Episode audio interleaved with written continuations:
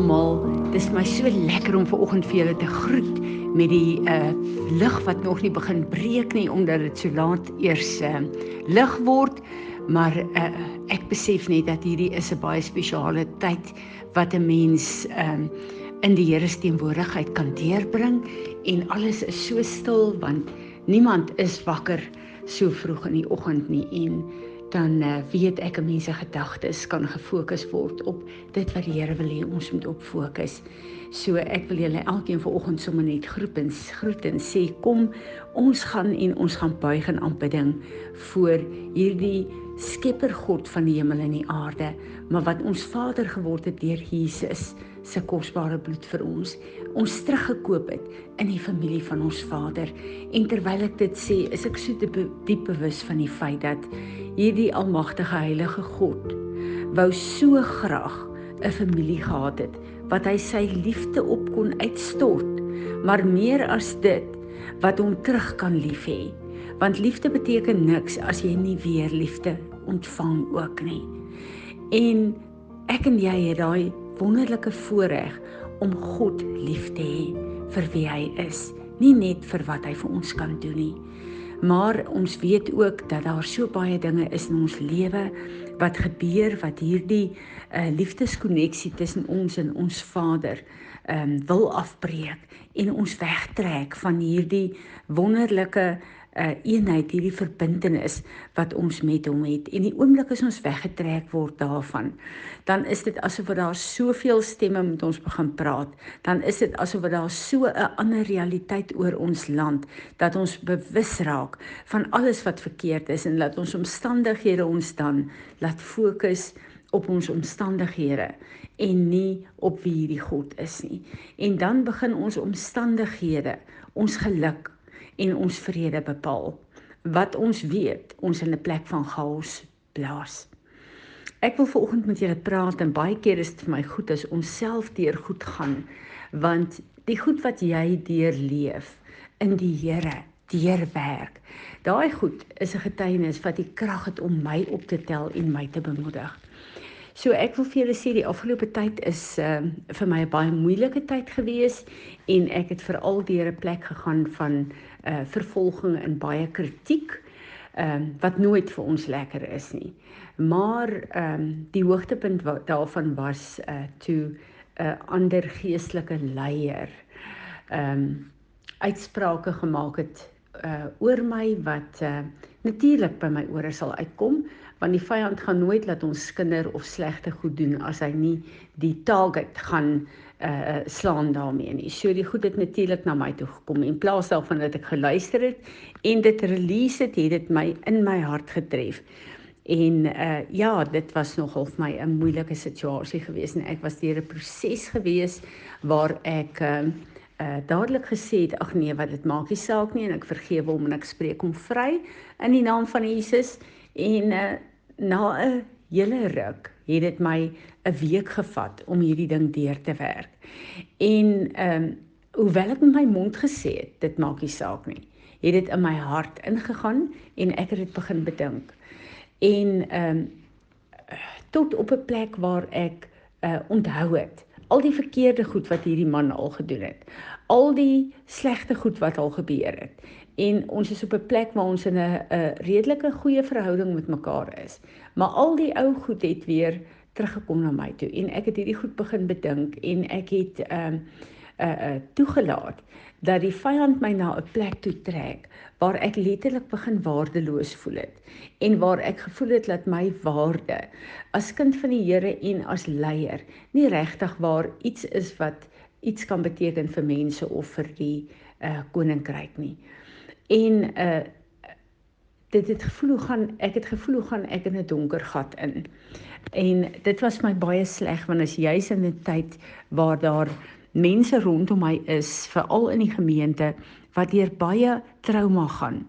So uh op hierdie plek moet ek hulle bystaan en daar wees vir hulle, maar ek self het gevoel, liewe land, is ek ooit iets werd. En uh uh dit was my baie moeilik geweest En uh, natuurlik is dit vir my altyd dan so lekker wanneer die Here kom en hy ons aandag kry en vir ons wys wat aan die gang is. Nou ek het al soveel keer gepraat oor vergifnis en oor offens en ehm um, soveel goed al deurgewerk en ek ken die krag van vergifnis.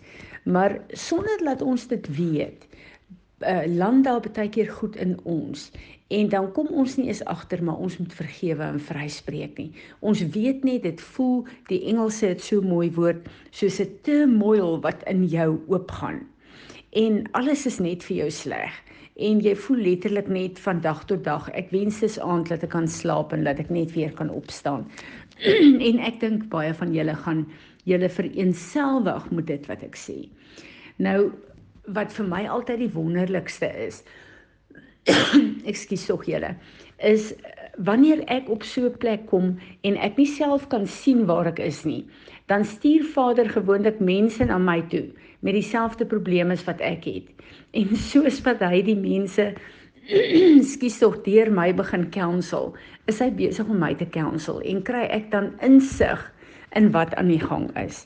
So het ek besef dat ehm uh, wat hierdie man gesê het, het my baie diep geraak en ek het daai uh offens in my hart ingeneem. En die Here vat my na die gedeelte toe van ehm uh, Samuel en Samuel se hele storie. Nou as ons kyk nou na Samuel wat 'n leier van God was. Hierdie leier is gesalf deur God. Hy is geroep om die hele volk te lei en nie net uh, uh, te lei uh, geestelik nie, maar ook uh, uh, met uh, al die uh, administrasie wat nodig is in 'n koning uh, se koninkryk. So uh, dit was 'n salwing waarin hy gestaan het met alles wat die Here vir hom gegee het wat hy nodig gehad het. Maar wat het gebeur met Saul? Saul het gekom en hy die Here het vir hom uh, sy voetstappe gerig, vir hom die strategieë gegee, die opdragte gegee hoe om hom te dien en hoe om die volk te lei. En sou hulle dit begin om die die bewondering en die goedkeuring van die volk hoor te ag as God se stem. Nou hierdie is 'n gevaarlike plek. Die oomblik as jy kyk na mense se goedkeuring vir jou, is jy op 'n baie moeilike plek want dan gaan mense jou emosies beheer. En dit is wat amper nou met my gebeur het. Ehm uh, die goedkeuring van hierdie leier en die gemeenskap het vir my ehm uh, belangriker geraak as wat God se opinie oor my is. En ons weet dat Saul het 'n opdrag gekry om te gaan veg en om alles uh, en almal dood te maak ehm um, uh, as 'n judgment van die Here en hy het die diere en die goed vir homself gehou en hy het besluit uh nee wat hy hy wil daarom ehm uh, nie uh die rykdom wat hy kan kry uh die fisiese rykdom hierdie diere en goed hy gaan dit daarom nie dit is 'n waste hy gaan hy gaan nie daar gehoorsaam wees nie. En omdat hy in rebellie met God gekom het het ehm um, God se gees hom verlaat want ons weet dat rebellie is uh witchcraft. Nou wanneer ek en jy in offens gaan, dan bedroef ons die Heilige Gees van God. En dan stel ons ons uh op 'n plek waar waar uh God se stem stil word in ons en waar die stem van die vyand uh reg het in ons gedagtes en in ons lewe en in 1 Samuel 16 vers 14 staan daar ehm um, Ja, uh, vers 14 but the spirit of the Lord departed from Saul and an evil spirit from the Lord tormented and troubled him. Saul's servants said to him, behold an evil spirit from God torments you. Let our Lord now command your servant here before you to find a man who plays skillfully on the lyre. And when the evil spirit from God is upon you he will play and you will be well. Saul told his told his servants find me a man who plays well and bring him to me. One of the young men said I have seen a son of Jesse the Bethlehemite who plays skillfully a valiant man a man of war prudent in speech and equivalent and attractive person and the Lord is with him. So Saul sends messengers to Jesse and said, Send David your son to me, who is with the sheep. En uh, dan kom um, die woord en uh sê so Saul sent to Jesse saying let David remain in my service for he pleases me and when the evil spirit from God was upon Saul uh David took a lyre and played it so Saul was refreshed and came well and the evil spirit left him nou is dit baie interessant dat ehm um, wanneer 'n mens in rebellie is ehm um, dan maak jy oop vir geeste wat jou gaan torment. Wanneer ons in offense is, dan kom daar magte, stemme wat vir ons lieg en vir ons torment. En hulle kom vertel vir ons hoe sleg ons is, hoe min waarde ons het, uh kyk hoe wat dink die mense van jou. Ehm um, hierdie is letterlik geeste wat jou torment, wat jou aanval. En dit is hier in jou kop en jy luister vir hulle. En hierdie goed het die mag om jou af te trek en jou weg te trek. En hoe meer jy na hulle luister, hoe minder kan God met jou praat want uh God se stem, uh die Heilige Gees is bedroef in jou en is stil. Maar hierdie stemme raak al hoe sterker en sterker en sterker. En as jy nie op 'n punt kom waar jy uitroep na die Here toe nie en sê Here, U is die een wat vir my gesterf het en my vergewe het. U is die een wat my teruggekoop het. Ek kom en ek kom humble myself nou voor U en ek vra vir U help my om nou asseblief hierdie ehm uh, uh vergifnis en offens in my hart deur te werk en om dan te kom en te sê Here vergewe my. Vergewe my dat ek toegelaat het dat offens en rebellie teen U my weggetrek het van U af. En dan te kom en te sê asseblief Here Jesus, kom maak my vry, kom vergewe my, kom was my skoon en dan op te staan en te sê Here, ek vergewe hierdie boetie. Ek vergewe hierdie sussie. Ek vergewe hierdie persoon in die wêreld wat teen my gekom het. Hierdie leuns wat oor my vertel is, hierdie plek waar hulle uh, agterdog teen my saai. Ek kom vergewe hulle. Ek spreek hulle vry.